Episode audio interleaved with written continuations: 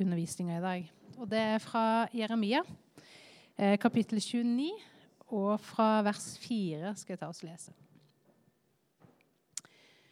Så sier Herren over herskarene, Israels Gud, til alle som jeg har ført i eksil fra Jerusalem til Babel.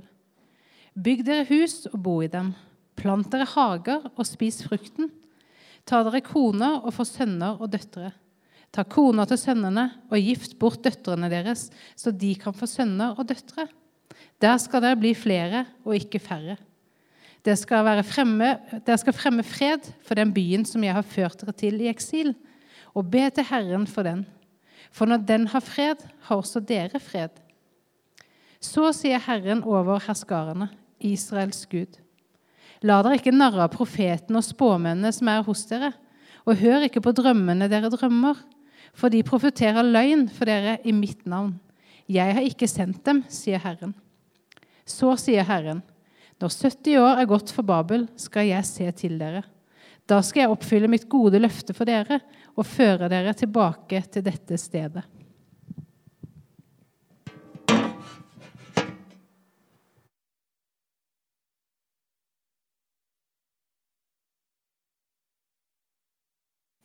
Bitte litt høyt, men det får gå.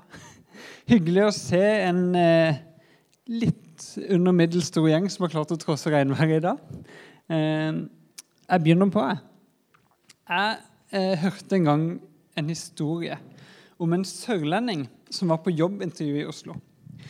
Eh, han var en god kandidat, men på intervjuet så sa de til han Å ja, eh, du er fra Kristiansand. Du kommer til å flytte hjem igjen om ikke lenge. Eh, og vi trenger noen som skal være i denne bedriften lenge. Jeg vet ikke om den historien er sann, men den kunne godt vært det. For faktisk er det sånn Statistisk sett så er sørlendinger noen av de raskeste til å flytte hjem igjen når de først har flytta til en ny by. Eh, mitt navn er Eirik. Jeg er sørlending. Jeg bor i Oslo. Eh, og ofte så spør andre sørlendinger meg, eller i hvert fall tidligere har de gjort det, ja, når skal du flytte hjem til Kristiansand igjen, da? Som om det er selvsagt at jeg skal. Eh, svaret mitt har etter hvert blitt det her. Du, jeg vet ikke om jeg noen gang skal flytte hjem. Det kan skje, men nå er planen min å være i Oslo. Det er to grunner til at jeg har lyst til å leve livet mitt her. Den første er at jeg er blitt glad i denne byen. Det tok helt ærlig litt tid for meg, en sånn fem-seks år kanskje. Eh, men nå syns jeg Oslo er bare en utrolig fin by som det er godt å bo i. Den andre grunnen til at jeg vil bo her, er at jeg ser Oslo som et viktig sted å drive kirke. Det fins mer enn nok pastorer på Sørlandet. De trenger meg på en måte ikke der. Men her i landets hovedstad, der ideer brytes, der fremtida formes, der sekulariseringa kanskje har kommet lengst. Her trengs det kristne mennesker. Her trengs det folk som peker på Jesus. Det trengs helt vanlige kristne her, som på en eller annen måte kan se seg sjøl som sendt til byen. Enten de har tenkt å bo her en liten stund, eller om de vil være her lenge.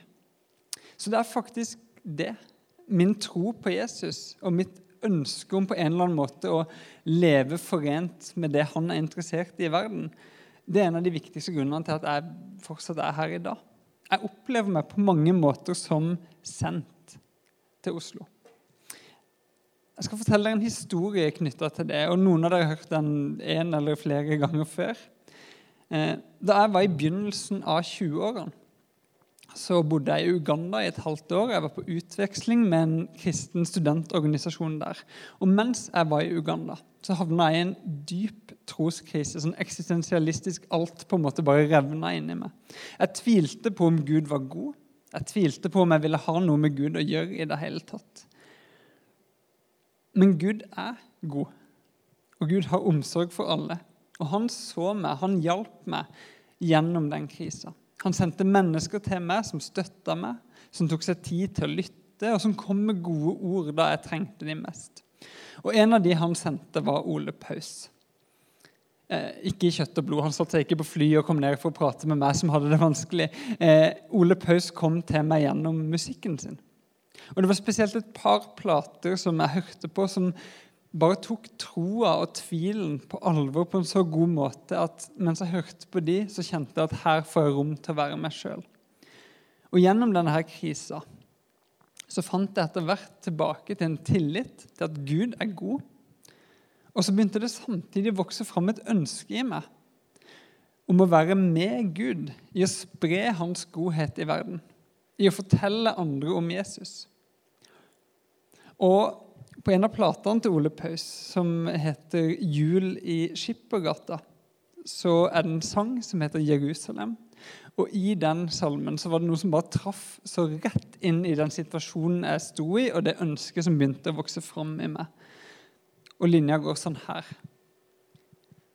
Det er en slagmark i min sjel. Jeg holder ut, jeg holder stand, til vi har bygd Jerusalem i hjertet av mitt fedreland. Jeg hadde reist til Uganda, men så ble jeg bare sendt tilbake til Norge, til mitt fedreland. Og etter hvert så havna jeg i Oslo. Og det er jo på mange måter hjertet i landet vårt. Jeg syns det at et hjerte det er et godt bilde på hva Oslo er for noe. For hvert år så flytter det ca. 30 000 mennesker hit fra andre steder i landet. Og på et vanlig år kommer det over 10 000 hit fra andre land. Og like mange omtrent flytter ut igjen. Og I tillegg til det så har du alle studenter som aldri blir folkeregistrert her og ikke kommer med i tellinga. Så Oslo er en by der folk flytter inn og flytter ut hele tida. Det er som et hjerte som slår. Byen samler mennesker fra hele landet, og så sendes de ut igjen. Byen samler og sender og samler og sender og samler og sender som et hjerte som trekker blodet til seg for å sende det ut igjen i kroppen for å gi kroppen liv. Oslo er en by full av innflyttere, og det preger byen vår. Det fine med det er jo at det kommer nye impulser hit hele tida. Altså en by der det alltid kommer nye folk, den vil aldri stagnere. Men det kjipe er at mange av de som kommer hit, ja, mange av vi som kommer hit, kan bli litt for mye prega av tanken på at ja, men jeg er jo bare her midlertidig. Dette er ikke egentlig min by. Jeg skal snart bort igjen. Noen ganger oppfører vi oss litt som om vi var i eksil. At dette er et sted vi bare må holde ut og være til vi endelig kan dra herfra igjen. Da tror jeg vi mister en mulighet til å oppdage hvor fin byen egentlig er. Vi mister en mulighet til å bli glad i den. Mens andre av oss kommer hit og oppfører oss kanskje mer som turister. Vi er bevisst eller ubevisst mer opptatt av hva Oslo kan gi til oss, enn hva vi kan gi til Oslo. Vi er her som forbrukere, ikke som medskapere eller samfunnsborgere. Og hvis vi lever på den måten, så tror jeg byen går glipp av noe av det gode vi har å gi til den.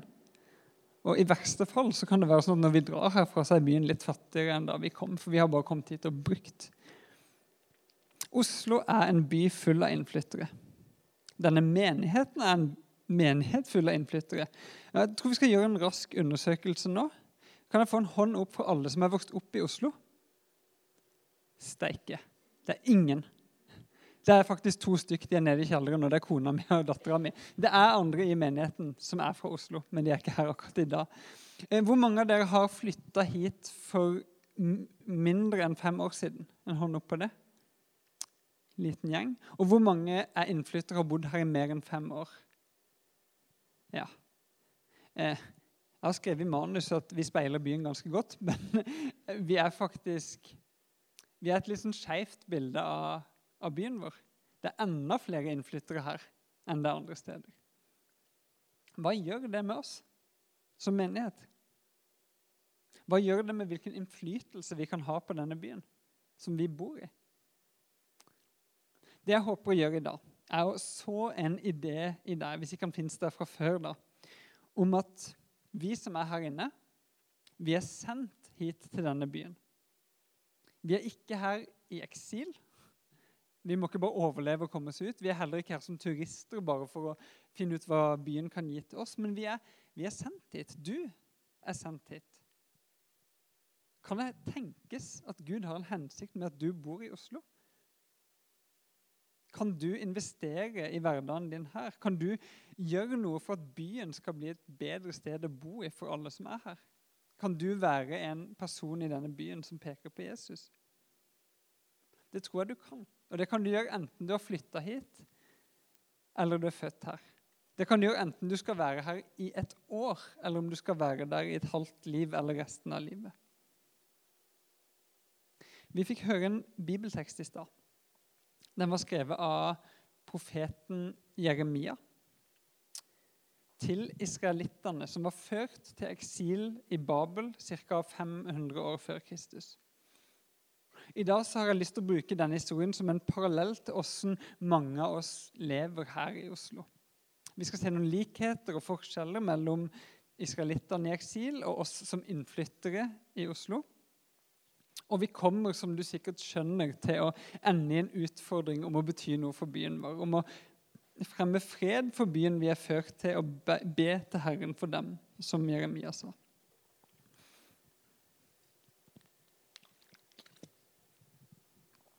Teksten til Jeremia den begynner sånn her.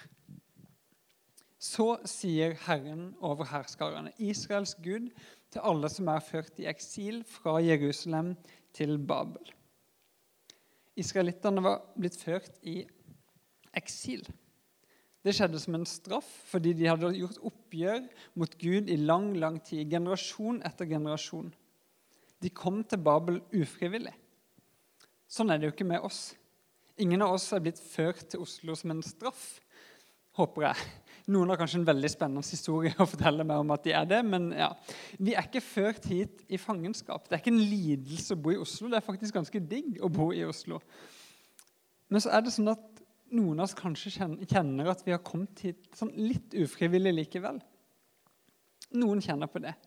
Kanskje du er en av de som tenkte at ja, jeg skulle jo egentlig aldri til Oslo. Men det var her jeg fant den utdanninga jeg trengte. Og så når jeg først var ferdig, så var det egentlig bare her det var en relevant jobb. Og så, så, så bare ble jeg værende.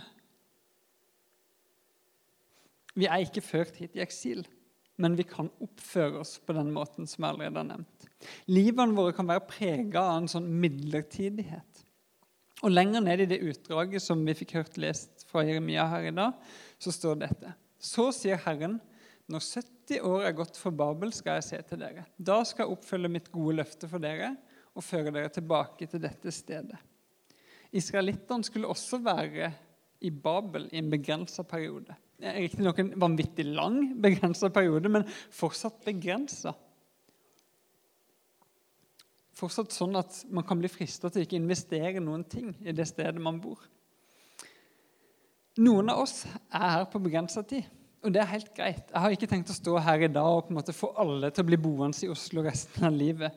Eh, selv om kanskje noen her eh, både er kalt til det eller har lyst til det. Fordi Oslo er en spennende by å bo i. Oslo er en spennende by å bo i. Og der kommer en likhet til med Babel. En ting vi har til felles med israelittene, er at vi bor i en storby, en hovedstad. Og det gjør livet ganske annerledes enn om vi hadde bodd et annet sted. Hva er det som kjennetegner livet i en stor by, en hovedstad? Hva er det som kjennetegner livet i Babel og Oslo? Jeg har lyst til å nevne noen få ting. For det første så er storbyen et sted der du finner mye kompetanse.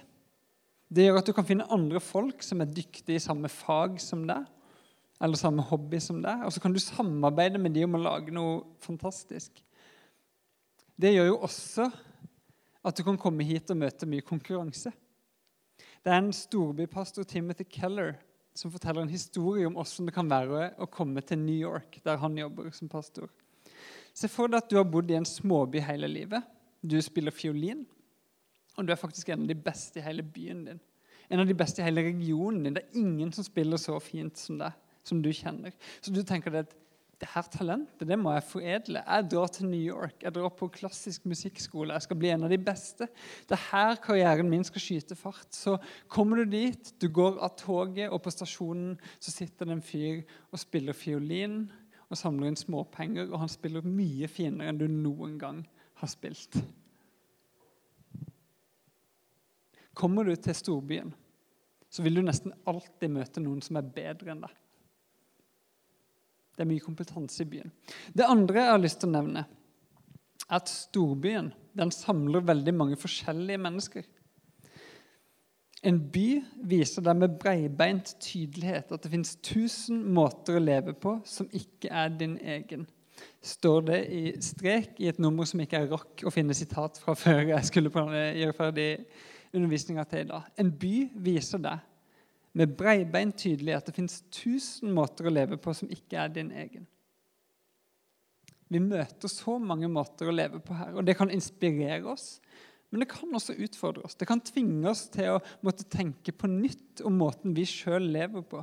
Vi må sjekke ut ting vi alltid har tatt for gitt. Og det kan for mange av oss også utfordre troa vår. Det at det fins mange måter å leve på i byen, det kan også føre til noe helt annet. Nemlig at du endelig finner noen som ligner på deg. Mange fra små steder opplever det. Eh, og Det kan være veldig fint, men det kan også føre til at i byen så samles man i sånne gettoer der alle ligner på hverandre. Og Her har jo vi kristne en liten utfordring. Vi kan så lett havne i en sånn trygg kristen boble. Ja, vi kan til og med shoppe rundt etter den menigheten som har folk som ligner aller mest på oss. Og det kan være fint, det, men hvis vi bare er i de boblene, så tror jeg vi har et problem. Ok, En tredje ting som storbyen preges av, det er at det er ofte et sted der det er mye liberalisering og sekularisering. Det minner meg om en historie som en nå pensjonert studentlagsarbeider, en kristen studentlagsarbeider fortalte meg en gang. Eh, han hadde fått en telefon dette var kanskje på 80-tallet eller noe sånt, fra en nervøs mor som ringte og sa eh, ja, nå kommer sønnen min til Oslo. Jeg er så redd for at han skal miste troa der. Eh, kan ikke du bare passe på at han blir med i studentlaget og, og blir, blir, bevart i troa? Og studentarbeideren sier bevart? Ja, det er klart han skal få lov til å bli bevart. Nei, her skal han få lov til mye mer enn det. Han skal få muligheten til å modnes og vokse i troa. Han skal få muligheten til å lære seg å dele troa med andre. Ja, ja, fint det, men, men, pass bare på at han blir bevart. Jeg håper du har litt større ambisjoner for troa di og for livet ditt med Jesus i Oslo enn at det bare skal overleve. At troa di skal overleve. En fjerde ting som gjør det spesielt å bo i en storby, er at det rett og slett er mange her. Og at det da er ganske lett å forsvinne i mengden. Det kan føre til forskjellige ting man kan bli ensom. Eh, og noe av det tristeste jeg vet om, og det har vært ekstra trist i et sånt koronaår som vi har, eller halvannet år som vi har bak oss, det er når jeg hører om studenter som kommer hit til byen og ikke kjenner noen fra før. Så ender de opp med å ikke bli kjent med noen på studiestedet heller. De kommer til forelesning alene. Det er ingen som egentlig tar kontakt og prater ordentlig med dem. Og så drar de hjem igjen etterpå og sitter på en studenthybel alene. Og så er de bare alene. Og det er virkeligheten for en del studenter i Oslo. Og jeg tenker, Sitter du og hører på podkasten og tenker dette her er meg, så vær så snill, kom hit til menigheten vår. Sett deg rundt bordet. Du skal få noen å prate med. Her kan du finne venner. Mange mennesker. Du forsvinner i mengden. En annen ting det kan føre til, er en sånn forsterka individualisme. Når det er så mange mennesker her i byen, så er det egentlig veldig få du står ansvarlig for. Sånn som du ville gjort hvis du var i et mindre samfunn eller med familien din hjemmefra. Og Da kan du velge å bare fokusere på deg sjøl, uten å bry deg om folk rundt deg. Folk i byen her oppleves ofte som bare sånn statister i filmen om vårt liv, istedenfor at de blir bekjente og venner. Du kan ende opp med å bo på samme sted i Oslo i mange år uten noen gang å lære deg navnet på naboen din. Jeg tipper mange kjenner ja, det er meg. Jeg vet ikke hva de jeg bor i oppgang med, heter i det hele tatt. Altså, Å bo i storbyen gir så mange muligheter og så mange utfordringer. Så spørsmålet er hvordan skal vi leve godt her? Hvordan skal vi leve i en stor by? Det er det jo mange meninger om. Det er mange som mener noe om hvordan vi skal leve i byen. I Babel var det også sånn, og vi skal tilbake til teksten nå. Det hadde begynt å dukke opp noen såkalte falske profeter.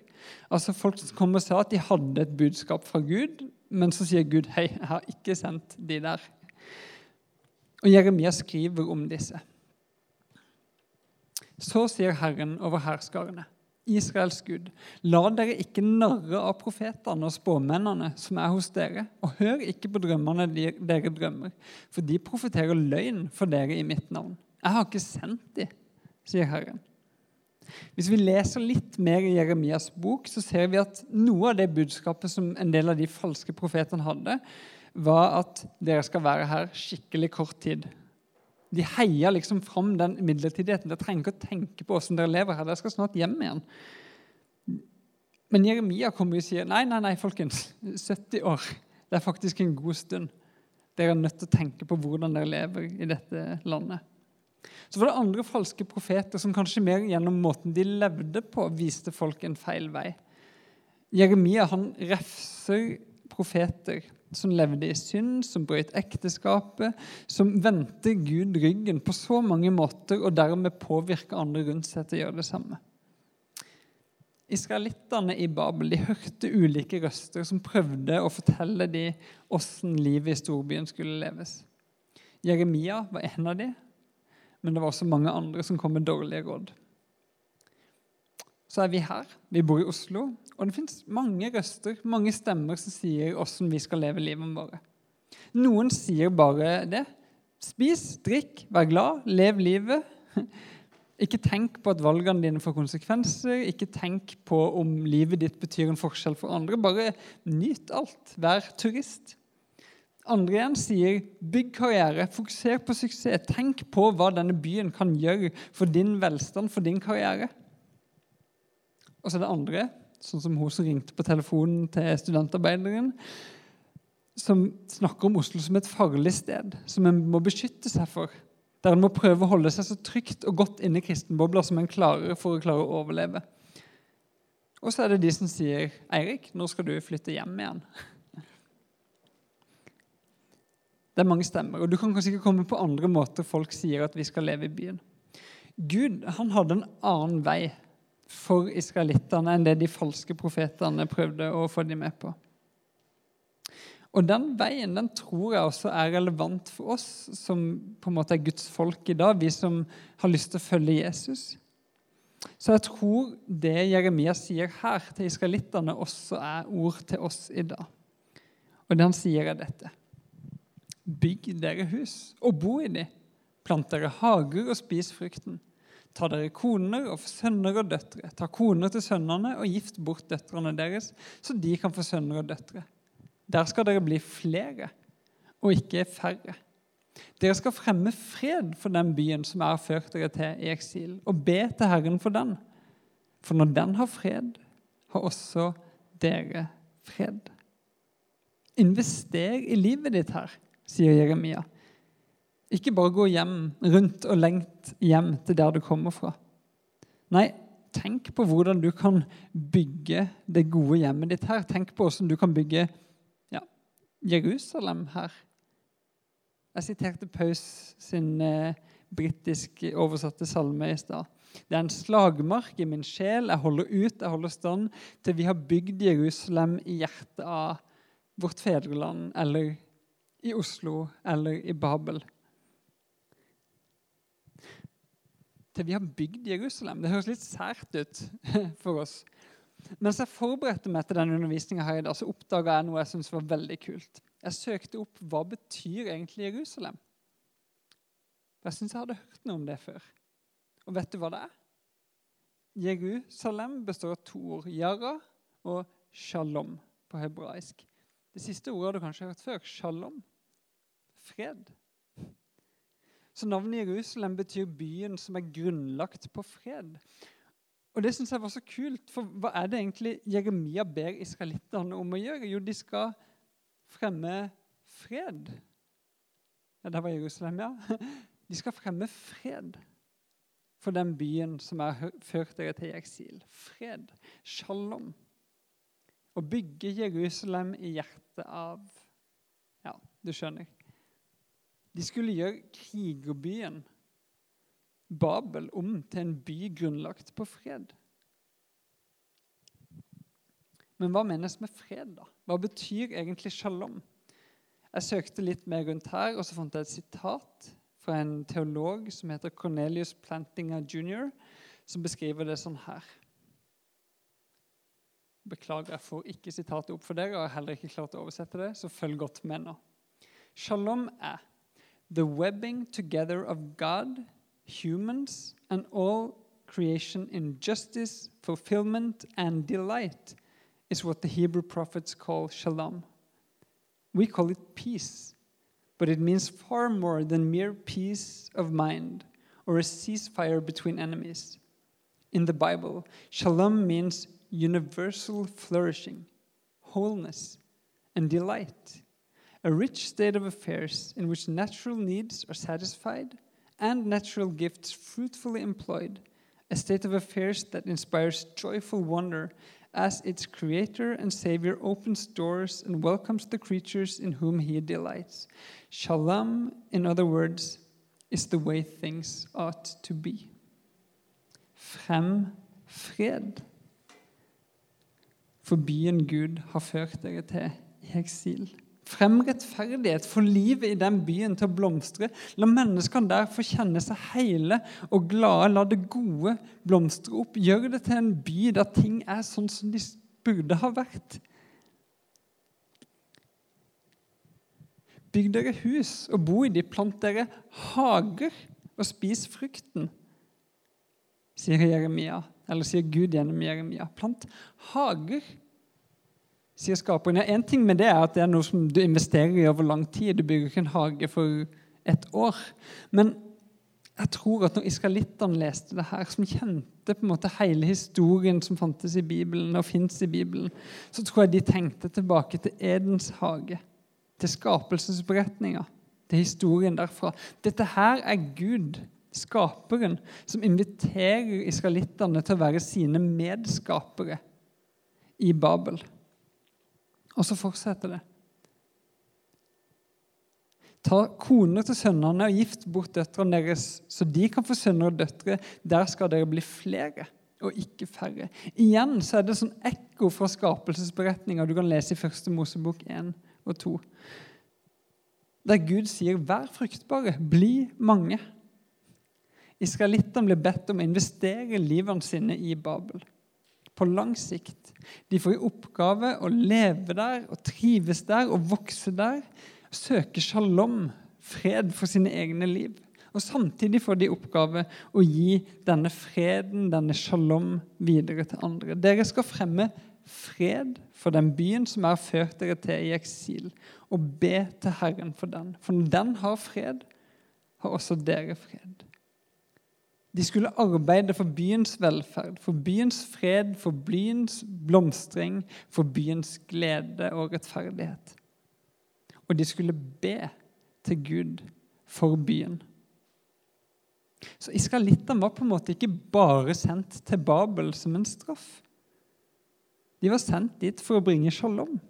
Midt i hjertet av, av fiendens rike, av den kjipe, store okkupanten som ødela og eh, la alle land under seg. Det syns jeg er inspirerende. Det er fiendekjærlighet lenge før Jesus har begynt å snakke om det. Dette er en tekst om hvordan israelittene skulle leve i eksilet. Og For meg så er det også en inspirasjon til hvordan jeg har lyst til å leve i Oslo. Jeg håper det kan være en inspirasjon for deg også. At du kan se på deg sjøl som sendt. Sendt til Oslo. At du kan være Guds medskaper her. At du kan finne deg til rette, at du kan la livet ditt få blomstre. At du kan finne fred den, fremme fred for den byen du bor i. At du kan be for Oslo. Jeg tror denne teksten handler om ditt liv og mitt liv. Og jeg tror, ja, og jeg vet, at den peker fram mot Jesus. Han som dro bort fra sitt hjem i himmelen og ble ført hit til oss på jorda, som på den måten sjøl valgte å komme i et slags eksil. Han som har fått navnet Fredsfyrsten. Han som kom med fred og sa 'Fred etterlater jeg dere'. 'Min fred gir jeg dere, ikke den fred som verden gir', står i Johannes kapittel 14. Jesus som kom og ga sitt eget liv. Som havna i eksilet på korset, altså den straffen som vi skulle hatt. Paulus sier om Jesus at det er i han vi lever, beveger oss og er til.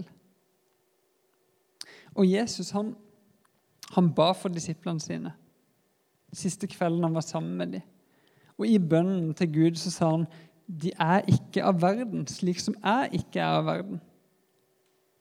Så vi er på en måte ikke hjemme her på jorda. Vårt hjem er hos Gud i himmelen. Men da handler ikke livet vårt om at vi skal komme bort herfra, men at vi skal bygge Guds rike her.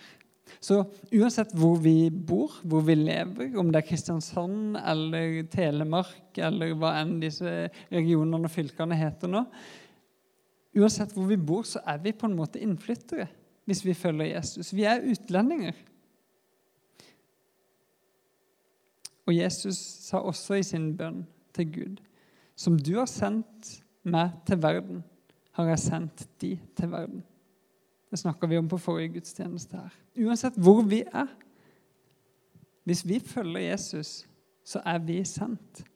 Vi er sendt med fred. Vi er sendt med tro. Vi er sendt med håp. Vi er sendt med kjærlighet. Vi er sendt som representanter for Guds rike. Og nå er vi her, i Oslo. Så min utfordring til deg er det her. Kan du se deg sjøl som sendt til byen? enten du er født her eller kommer utenfra? Kan du bygge hus og plante hager her? Altså kan du være Guds medskaper? Kan du investere i livet ditt på en måte som bærer frukt både for deg sjøl og andre, som gjør at du blir glad i byen? Kan du fremme fred for Oslo? Kan du være med å bygge samfunn? Kan du være med å se de ensomme? Kan du løfte blikket opp og se hvem rundt deg i denne byen som trenger din Guds kjærlighet og din kjærlighet. Og helt konkret, kan du i løpet av den uka som kommer nå, be for den byen som Gud har sendt deg til? Kan du be for de som bor i blokka di, de du jobber sammen med? Kan du be for de ensomme, de hjemløse? Kan du be for de som styrer byen? Kan du be om at Oslo skal ha fred, shalom, at ting skal få være sånn som de skal være? Jeg håper du vil det. Og jeg, vet du hva, jeg tenker at vi gjør allerede litt det her. Vi er sendt hit til byen sammen som kirke. Både Bjølsen misjonskirke og alle andre kirker her. Hver uke så samles vi for å søke Jesus sammen. Han er her midt iblant oss, og han gir oss sin fred. Vi skal bl.a. få ta imot den freden i nattverden etterpå. Men hver uke så sendes vi også ut kirka, av kirka igjen. Vi sendes ut til jobbene våre, nabolagene våre, studiestedene våre, vennene våre. Og vi kan gi folk Guds fred. Det er ikke bare Oslo som slår som et hjerte. Det gjør menigheten også. For vi samles og sendes og samles og sendes og samles og sendes. Vi er Jesus sin kirke.